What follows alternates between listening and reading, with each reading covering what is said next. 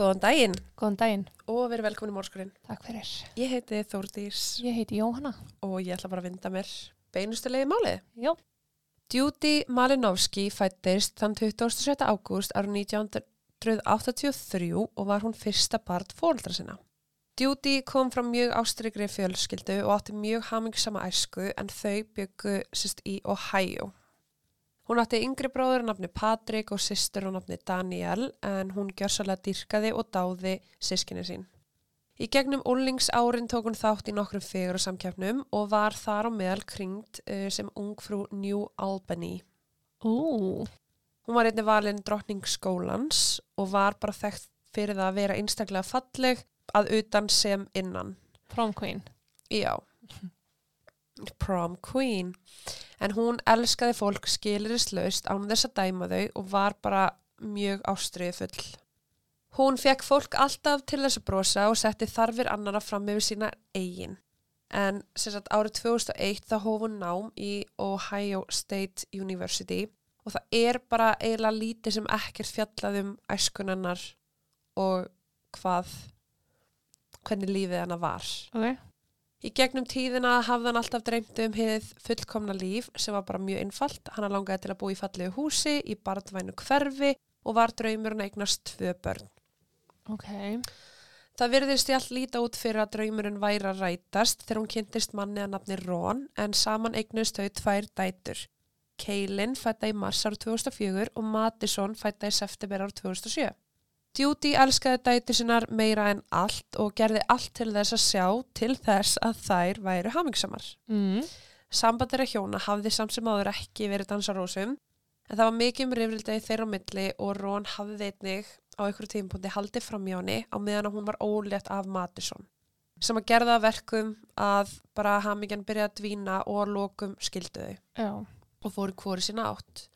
Þegar að Judy var yngri þá hafði hún sérst, á einhverju tímapunkti greinst með krabba megin uh, á eggjastoknum.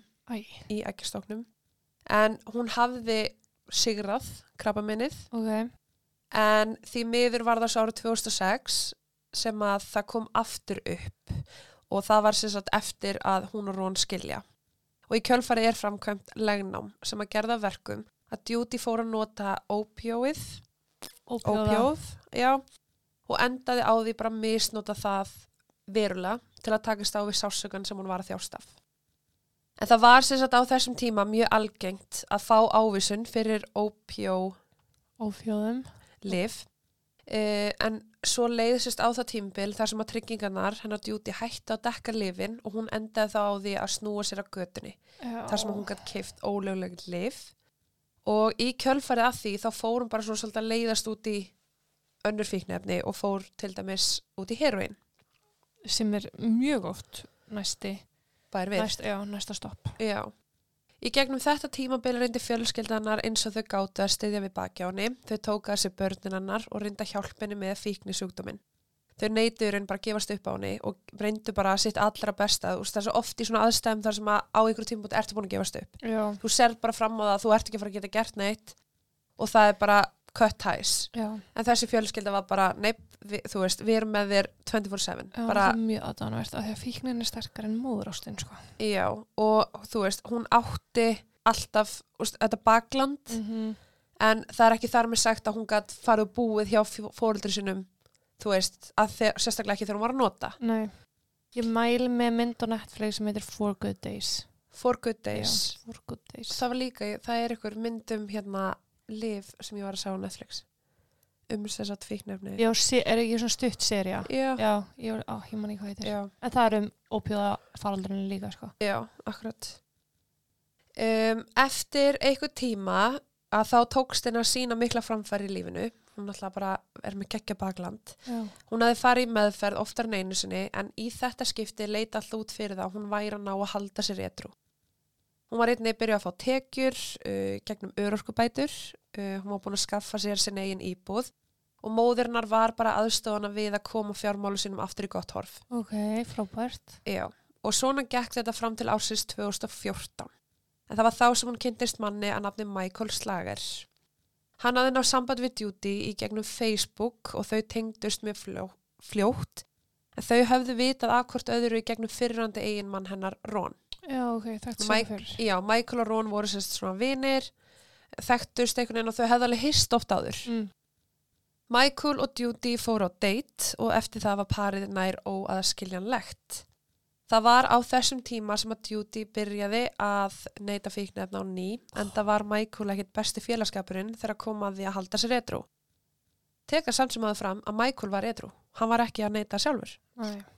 En Michael átti sérst langan sakaferðala baki, uh, meðal annars fyrir þjófnað, heimilisofbeldi, naugun, líkamsárás, innbrot og bara fleira. En Judy vissi ekkit af því og hafði ekkit hugmynd um að hún væri að koma með hættulan mann inn í líf sitt og barna sinna. Mm. Ekki leið á löngu þar til að þau tvö fóru eiga í deilum, en í mæ árið 2015 rifust þau heiftalega og var rifrildið svo slæmt að þau lögðu hendur hvort á annað. Ok. Michael endaði á því að ringja í neyðalínuna til að tilkynna atvikið að meðan Judy fór og læsti sig inn á baðarbrygginu sinu til að komast í burtu frá honum og þau voru bara svona stanslaust þetta kvöld að öskra á hvort annað sem og öll önnur skipti sem að þau fóru að rífast. Já. Í flestum tilfellum var það Michael sem að ringdi eftir aðstóð lauruglu en um var að ræða 30 tilkynningar sem að höfðu borist þeim vegna átaka þeirra á milli. Lauruglan fekk svona smá tilfinningu fyrir því að Michael væri einungis að ringja svona oft til að stjórna duty og til að hræðana. Töldu sérst að hann hefði verið að nota þetta sem leið til að segja, þú veist, lauruglan er mér hliðhóll. Þú veist, ég get hringt í lögguna, mm Mhm. þú er að hlusta mig, dararara. Og að hann væri sérst bara svona að reyna að stjórninni. Já.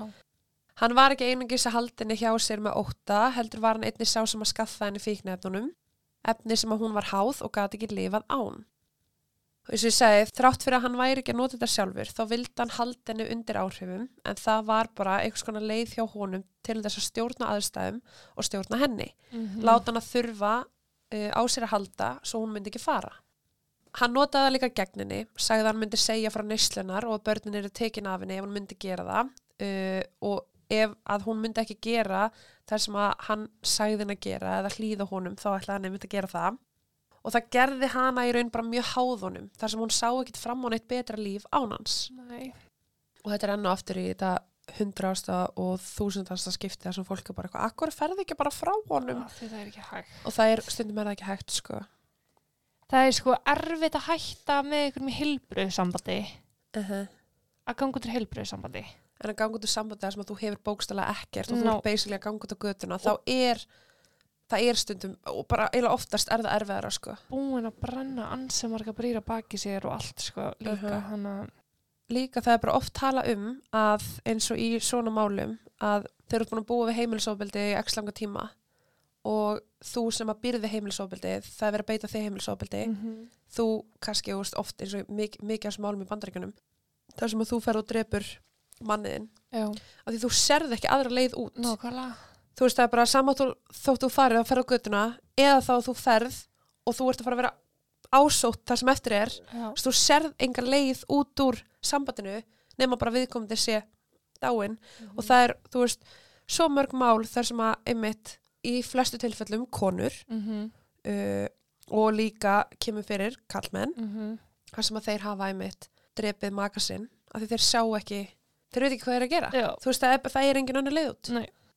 ok, innskott, allána en sagt, sambandi þeirra var orðið svo slæmt að á einum tímapunkti sagt, þá ætlaði móðir Judy að fara og sækja hana og taka hana með sér heim. Og hún var bara, ok, þú veist, og fjölskyldan vissi alveg hvað var að gerast. Já, og þau vissu að þetta væri ekki gott fyrir hana og í hvers skipt sem að móðurina reyndi að fara og sækja Judy og bara, jæja, nú ætlum við, þú veist, að fara bara frá honum mm að þá tjáði Judy henni hver hrætt hún væri, hrætt um hvað myndi gerast ef hún færi frá honum, hrætt um líf sitt og líf barna sinna og bara hrætt um framhaldið. já, Hún sagði að Michael hafi oftar en einu sinni ógnar lífinar ef hún myndi yfirgefa hann og hún hafi einnig reynd að fá aðstof frá lauruglu nokkur sinnum en það leit allt út fyrir að þeim væri raun bara skýtsama. já. Eitt skipti hafði hún ringt í lauruglun og beðið að, beðið um aðstoð og sagt þeim að hún væri mjög hrætt um að Michael myndi drepa sig. En lauruglan sá Judy bara sem einhvern fíkil og þetta væri bara hennar eigið vandamál til að takast á við. Það er ríkalegt. Það er hrikalegt sko og þar kemur einmitt líka að þessu, þú veist, mörkin með friðelgi engalufsins. Þeir oft á tíðum vilja ekki stíga inn í þessar aðstæður vegna þess Mm. að þeir vilja ekki fara út fyrir sín mörk sem þeir mega fara Já, og eru þá lítið að skipta sér af ykkur rifrildum sem að þeir telja bara ok, þau eru að fara að sofa þetta af sér -hmm. og vakna á morgun Já.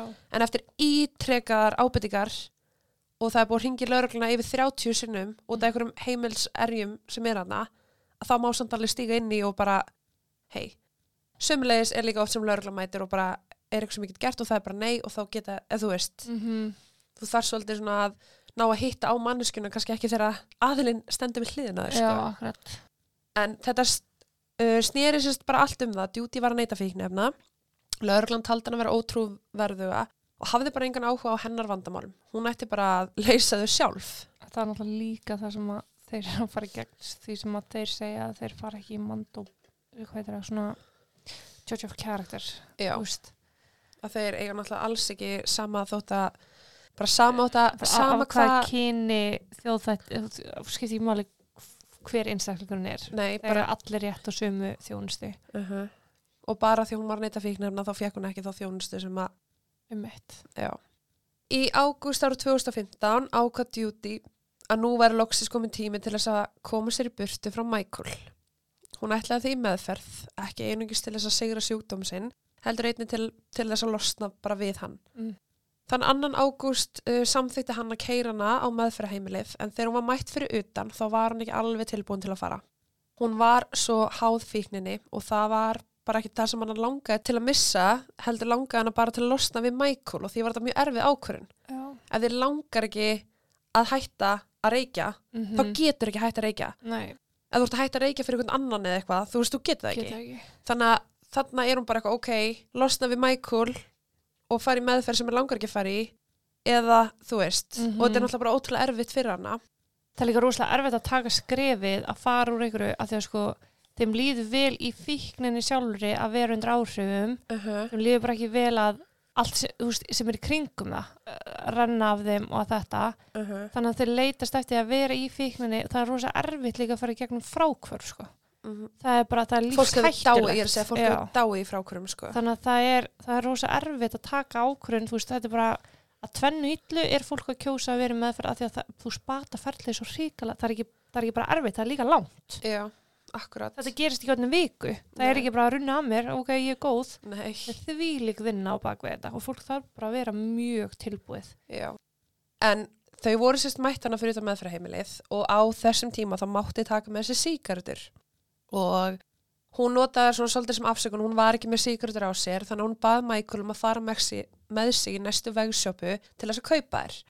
En hana langaði líka til að tala við fjölskyldinu sína og láta þau vita hver áform hennan væru. Mm Áform hennan væru. Hún væri að fara í þetta og þau myndi örglega ekki heyri inn í nokkra vikur. Já, Í bílferðinni á leiðinni í sjoppuna rifust þau heiftarlega og það vi- virtist bara vera eins og Michael væri bara ekki sáttur með þessa ákvörun. nei, Hann vildi bara í fíkn, hann vildi stjórninni, nú er hún að fara í meðferð og hann bara okkur hvað er framhaldið? Og þau voru í raun bara rífast alla leiðina að bensinstöðinni. já, Þau komu að bensinstöð í Gahanna sem er í Ohio. Og þegar þau komið þangað þá fer Michael úr bílnum til að kaupa síkardur fyrir duty en hún ætlaði að býða til bíla með hann. já, Þessi stað þá ákveðin sérst að fara og fá sér smá frísloft aðeins til að anda og bara slaka á vegna þess að þau voru nýbúin að rífast heftalega. Hún fer því úr bílnum og gengur í áttina þjóðveginum. Uh, þau voru bæði mjög tens á þessum tíma og reið og hana langaði náttúrulega bara að fá frið frá öllu. Þegar Michael kemur út úr búðinni þá tekur hann eftir því að Judy er ekki lengur í bílnum þannig að hann fer í bíli sinn og keirir í áttina að henni og finnur hann að sérst nála þjóðveginum. Hann lagði bílnum og spurði hann hvað í anskotanum hún væri að gera og áfram heldur rifrildið og að lokum var Judy bara svo reið að hún tók drikki sinn og heldi yfir Michael. Á þessum tímpunkti sá Michael allt raukt. Hann fór inn í bíl, greip brúsa með bensinni, gekk að Judy og heldi brúsanum yfir hana. Vittni voru á staðnum, voru sér stann í kring og ringdu í neðlínuna eftir að hafa séð brennandi konu. En þau höfðu sérst bara heyrt öskur og verið forvitur um hvað var í gangi. já, Þau stóðu og horfðu á meðan Judy var bókstala að brenna til dauða. Vittin vissu þetta liti illa út og vissu raun bara ekkert hvað var í gangi, hvað var að gerast, en þau sáu sérst Judy vera að brenna og Michael standa í raun bara við hliðina á henni. já, Þegar lögreglan kom á vettvang þá tóku þeir Michael til hliðar til að fá vitnisspurinn hans um hvað hafði gengið á og hann sagði þeim frá því að þetta hafi verið slis. Hann sagði að það hafi skverst smá bensin á djúti og meðan að þau voru að dæla bensinni og að þegar hún hafi kveikt sér í síkartu það hafði hún bara föðrað upp. Ég, Lauruglan vissi betur. Þeir vissu að mæta vel að eldurum væri ekki út frá smá bensínskvettu þó vissulega geti það verið að djúti hafi verið að kveika sér í síkartu og þannig hafi eldurinn komið til. mm Þeim var það fljóttljóst að mikið magna bensinni hafði verið á djúti en það voru fötin hann að byrja bara að bráðuna. já, Djúti hafði strax verið tekin upp á spítala til aðhlýningar á meðan Michael var í yfirreysli og lauruglu. Og þegar að þeir þrýstu svona aðeins á hann þá breytt hann sögu sinni og viðkendi þá fyrir lauruglu að þau hafi jú verið að rífast og að Djúti hafi skvett gósinu sinu yfir hann. Hann sagðist hafa svarað í sömu mynd með því að skvetta bensinu yfir hana sem var í bílnum og hlutir höfðu síðan róast þeirra á milli eftir það. Þar til að hún kveikti sér í síkardu með þeim aflengum að það kviknaði í henni. já, Vitnisspurður hans og bara annar vitna var eitthvað sem að lauruglan þurfti að fara betur yfir en það var náttúrulega bara ósamræmi í sögunni. mm Vitnisöðust hafa sagt að þau hefðu verið að öskra allan tíman og svo er Michael að segja að þau hefðu róast á tímabili já, þannig að það var svona mega alveg sens. Uh, Einnig náttúrulega fannst þeim svo rosa skríti að hún er að brenna fyrir framann og hvað er hann að gera? Ekkert. En ég meina hvað átt að gera? Átt þú að stökkva ofan á brennandi mannesku? Uh, ég, maður myndi rúglega að finna eitthvað og reyna hana og þú veist, Já, geti verið. kæfa eldin. Um. En aldrei verið í þessum aðstæðum skilur, hana. Judy hafði verið send á spítalan og það var ekki búist við því að hægt vera bjargani en það var hún bara mjög illa farin. Tali var að ef hún myndi lifa þessi árás af þá myndi hún samt sem áður ekki eiga marga daga eftir. Hún var svo illa farin, hún var sérst með þriðja og fjórastyks brunasár yfir 90% af líkamann sinum og hún fór í yfir 50 mismunandi aðgerðir sérst bara út af þessum sárum og sérst líka því að sýkingar voru að myndast Mhm. og það var mikil hitabreiting sem átti sér stað vegna umbúðana sem hún var með og það var bara allt í keiusi í líkamann mennar Mhm. Og það var í raun bara alltaf að vinna gegn henni. Hún þurfti líka að fara í húð í græðslu aðgerð sem að margar hverja mistókust og misti allt hárið, nokkra fingur. Hún misti eirun og lá í dái í nokkra vikur. Á nokkru vikum hafði hún kótað nokkru sinnum Já, og bara þurfti að beita endurlíkurinn til húnum trekk í trekk í trekk til að halda henni á lífi. Hún átti erfitt með að anda, hún gæti ekki hreift líkamann sinn og þegar hún gerði það þá fylgdi í kjölfarið ólegu sásiki en í gegnum þetta allt saman þá barðist Júti fyrir lífi sinu. En hún var staður á henni að lifa af fyrir fjölskyldinu sína, dætur sína tvær sem hún elskaði meir en allt og hún vildi lifa til þess að segja sína sögu. Lifa til þess að láta Michael mæta örlugum sínum fyrir það sem hann hafði gert. Í kjölfarið var Michael handtekinn og ákjærður fyrir grófa líkamsárás, íkveikju og tilrun til mandráps vegna þess að jú, náttúrulega Judy lifið af. Hann vissi að hún geti borið vitni gegn honum og að með hennar sögu myndi kviðdómur grípana svo hann átti sér reyninga málspætur. Mhm. Hann játaði því á sig brotið og talið var sérst að hann myndi eiga yfir höfður sér 11 ára fangelsi sem er sérst hámarkstími fyrir þessa tegunda broti sem er náttúrulega bara mjög erfitt fyrir djúti og fjölskyldi hennar að meðtaka Já. en það töldu þau náttúrulega bara hann ætti mun þingri dóm skilið Já. en þetta er náttúrulega bara líkamsárás yes Já. Judy var rúmleikjandi allan tíman frá árásinni, var með stöðu hann sársöka, varanlega skaða og gat bara ekkert sinn daglegum aðtöfnum og gat í raun bara ekki gert neitt. Nei. Það var heldur ekki talið að hún myndi lifa af en á sama tíma reyndi hún sitt allra besta til þess að geta minnstakosti borið vitni í réttarhöldunum. Ástand þannig að byrjaði því meira versna verulega. Hún talaði því við rannsakadur og ljóst var að Judy var sérst, með fullkomi minni og fyrir eitthvað skýrt minni um hvað þið gengið á og hvað gerðist og hún sagði sérst bara við að hana langaði til að segja frá sinni sögu, hann langaði að koma og bera vitni. Þannig að einu og hálfa ári eftir árásuna þá byrja hún sérst að minka livjaskamptin sinn, jamt og þétt, en það þurfti hún að hafa skýran hug á meðan að vitnisbyrðu hann stóð Já. og hún vildi náttúrulega að lögfræðingar Michael myndi reyna að nota það gegn henni að hún væri fíkil Já. Og hún, núna væri hún á livjum Mhm. og þar leðandi væri hún ekki að segja satt og rétt frá. Og hún er mjög líklegast á ópjóðum. Akkurat. Já.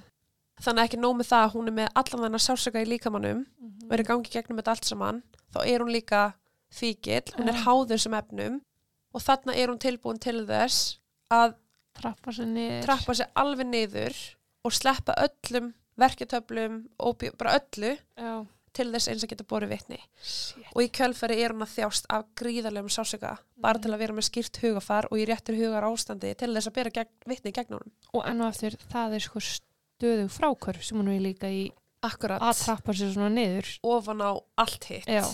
Hún vissi náttúrulega bara að það væri möguleika að hún geti dáið og hvað þá bara út af sásöka. Uh, en hún vildi bara, eins og ég segi, gera sitt allra besta til að koma sinni sögu á framfæri. Þegar koma réttarhöldunum þá tala hún um atbyrðu þessa dags. Hún talaði mjög skýrt og kröftulega og var yfirheyrð af bæði ákjöruvaldinu og löffræðingum Michael. En hún er sérst bara rúmleikandi og er bara á Skype í rauninni Já, ok. í réttarsalnum og Já. þar er bara verið að tala við hana í gegnum tölvuna. Já. Þegar hún talaði um þennan dag þá sá hún frá, frá því að Michael hafi verið að keira hann í meðferð þar sem hún vildi fara að taka sig á. Hún ákvað skyndilega að hana langaði ekki til þess að fara. Hún vildi fara og hitta dætur sinnar og móður og spjalla við þær um hvað væri framundan. Hún kom með þá beðnum að fara að kaupa síkardur sem þau fóru og gerðu og mikilvægt er að hafa þá staðrind í huga að hún fór á bensistöðuna til að kaupa sér síkardur því hún átti ekki síkardur. Þannig að hún var ekki með þar meðferðis. Þess að geta kveikt í einni. Mm Mm. og þú veist, þetta er raun bara svona sama atbyrður á svo ég er svona nokkurn veginn búin að fara í gegnum Michael sér hann ekki bílnum, keira hann það byrja ykkur orðasamskipti þeirra milli öskur og rifrildi Duty viðkennir að hafa kasta gósinu sinni í hann af reyði sem að gerða verkum að Michael fór og náði bensinbrúsa og heldi yfir hana. Hún sagði að hann hafi byrjað að hella yfir höfuð hennar og leiti sérst bensinu allalegði niður líkamann. Hún sagði að það væri eins og hann væri að hella sig yfir hana bara til þess að vera vondur. Þess að leita ekkit út fyrir að hann væri eitthvað að djóka. Nei. Hún reyndi að öskra eftir hjálp þar sem hún sá ekki neitt og meðan hún var að öskra á hjálp þá hljópa hann að bílnum til þess að sækja kveikira. Mm. Hann hallar sér síðan aðinni, setur fótinn bak við hennar fætur og ítir henni svo hún dett á jörðina. Þar liggur hún og heldur sjálfur sér uppi með annari hendinni og hann heldur áfram að hella yfir hennar bensinni og hann er bara ekkert að bregðast við hennar öskrum. Nei. Hann er í raun bara að segja við hana, þú veist, hvað ætlar að gera núna, hvernig líst þér á þetta, segðu hvað ég get gert og er bara að kalla hana allski snöfnum og er bara í raun á niðurlægina meðan hún liggur á jörðinni og hann er að hella yfir hennar bensinni. Já. Hann bakka svo frá henni í um 30 sekundur og stendur bara hana og semst innmitt fyrir hann og sækir kveikir hann og eitthvað og hún er bara í raun á jörðina gráðbyðan um að hætta. Hann gengur síðan í áttina að henni, kveikir í henni og skilur hann eftir og sem stendur bara og horfir á hann að brenna. Hún myndi sérstaklega eftir augnaráðan hans en það leit út fyrir að hann væri ansettin eftir að hann hafa gert þetta. Hann stóð bara að horfa á, hún held áfram að öskra en hann bara hlusta ekki. Hún segir að sásökinn hafi verið óbærlegur, hann er leið eins og það væri þúsund nálar að fara í gegnum líkamennar og hún vissi bara ekkert hvað hún ætti að gera. Hún reyndi að ná eldinum úr andlitinu á sér og reyndi að öskra eftir hjálp og að lokum grófun andlitir sitt í grasið til að losna við eldin bara og fór svona aðeins að skoða í kringu sig bara meðan hún er að brenna. Hún fann það að hún var hægt og rólega að missa máttinn og bað Jésu um að fyrirgefa allt sem hún hafði gert og passa upp á dæti sinnar. Eftir hennar vitnisspurð þá tóku lögfræðingar Michael við og þeir gjörsala tættan í sig. Þeir fóru að tala um fíknefna neyslun hennar og þeir fóru sérst að tala um að hún hafi verið að stela frá Michael. Þeir fóru að tala um að hún hafi verið, hún hafi áður reynd að taka sitt eigin líf og bara fram til göttinni, þú veist Mm. að bara hún hafi gert þetta. Hún sagði náttúrulega bara svaraði og sagði að það er ekkert af þessu satt og að Michael væri bara að segja þetta til að reyna að ná stjórn á lífinar. Já. Þá var Judy spurð út í það hvers vegna hún hljóp ekki burtu á meðan að hann sérst heldi bensin í hana, yfir hana eða hvers vegna hún hljóp ekki burtu þessar 30 sekundur sem að hann fór til að sækja kveikjarinn í bílinum og stóða þarna. Það var náttúrulega henn að kenna hann kveikt í henni. Já, og hún sagði bara að 30 sekundur eru mun fljótur að líða heldur en fólk getur gert sér grein fyrir þegar þú ert í svona aðstæðum. Já. Uh, hún sagði að hún hafi raun bara verið að reyna að þurka bensinni úr andlitunum á sér og átti einnig erfitt með, sérst, með skóin sinn. Hann var óreimaður eða eitthvað sem að gerði henni erfitt fyrir að standa upp. Og svo bara fyrst og fremst sagði hún að hún vildi ekki hlaupa í burtu vegna þess að hún vissi að Michael myndi bara ná henni aftur. Já, hún kæmist ekki í burtu. Eina sem hún var að reyna að gera var að byggja um að hætta þessu svo þau gætu bara haldið áfram deginu sinum og hún gæti bara farið aftur með honum upp í bílinn og þau myndi bara, já, fara heim og on, kvöldmatt, skilur einmitt. þú veist Judy gaf uh, sína skýrslu í janúar árið 2017 en fimm mánuðum síðar eða 27. júni árið 2017 þá lést hún vegna áverka sinna og var því ákjör Michael breytt í mandráp Já. þarna var hún alltaf látin. þegar hún var að bera vitni þá sagði hún að hún vildi að Michael myndi verða ákjærður fyrir morð þar sem hún vissi það sjálf að hún ætti ekki langt eftir og að hún myndi að lokum deyja Já. þannig að hún var bara búin að segja þú veist, ég vil að hann fái Mm ákjæru fyrir morð af því að ég er ekki að fara að lifa sko. Já. ég er ekki að fara að lifa svona í júli árið 2018 uh, þá náttúrulega bara játaði Michael sök var þetta ákjærðu um manndráp og Játa hann? Já. What? Ok. þú veist, að því að hann játaði þá fær hann ákjörnar málspætur eða refsileikun og hann fekk lífstíðar fangelsi Judy var ekkert eðlilega sterk. Hann langaði til þess að fyrirgjónum og hún vildi að hann myndi verða betri maður eftir allt þetta. En áður en að Judy lest þá fengur dætur hennar móður að heyra allra síðasta orðið hennar sem var í raun bara hver mikið hún elskaði þær og hún muni alltaf hugsa um þær frá himninum. Dætur, Judy og fjölskyldanar uh, þau unnur streytulaust að því að herða lög, löggifina í Ohio fyrir líkamsárás sem að sérst gerða verkum að þeirra fórtalemp er með svo mikinn varlega skada þá ætti að vera dæmt aukarefsing. Já. Fyrst 11 ár fyrir þetta alvarlega líkamsárás er bara fárlegt Skelvilegt. og það er ekki hægt að setja þú veist það á ekki verið hægt að setja alla líkamsárásir bara í eitt flokk þú veist Nei. það þarf að vega og meta hverju einustu og áverkan á afleðingarnar af hverju einni og einustu Já. En í september árið 2017 þá var það allögum og þau eru sérst nefnd duties law. En það er sérst bara refsithinging við dóm alltaf sex ár til viðbútar fyrir svona alvarlega líkasarvars. Samt finnst manni það ekki nóg, sko. Neip, alls ekki sko. En Michael hann situr enn í dag inni í Southern Ohio Correctional Facility í Lucasville í Ohio og hann er alltaf bara með lífstíðadóm Já. uh, og já, þú veist, þetta mál er raun bara í sjálfu sér ótrúlegt að því að Judy barðist bara hverjum einasta degi til þess að segja sína sögu. Og það er ótrúlegt að sjá vitnisbyrjun hennar. Og það er eitthvað sem mér finnst mest áhugaverðast við þetta mál. Já. að sjá hana nánast á dánarbeðinu bera vitni gegn Michael.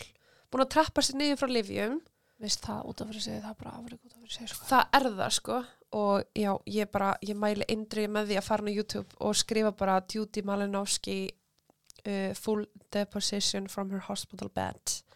Og bara þó svo þið séu kannski ekki alveg að fara að hlusta á hennan heila klukktíma en að heyra bara sjá þetta hvað hún er bara oh, mér finnst það ótrúlegt sko. Skelvilegt, sko.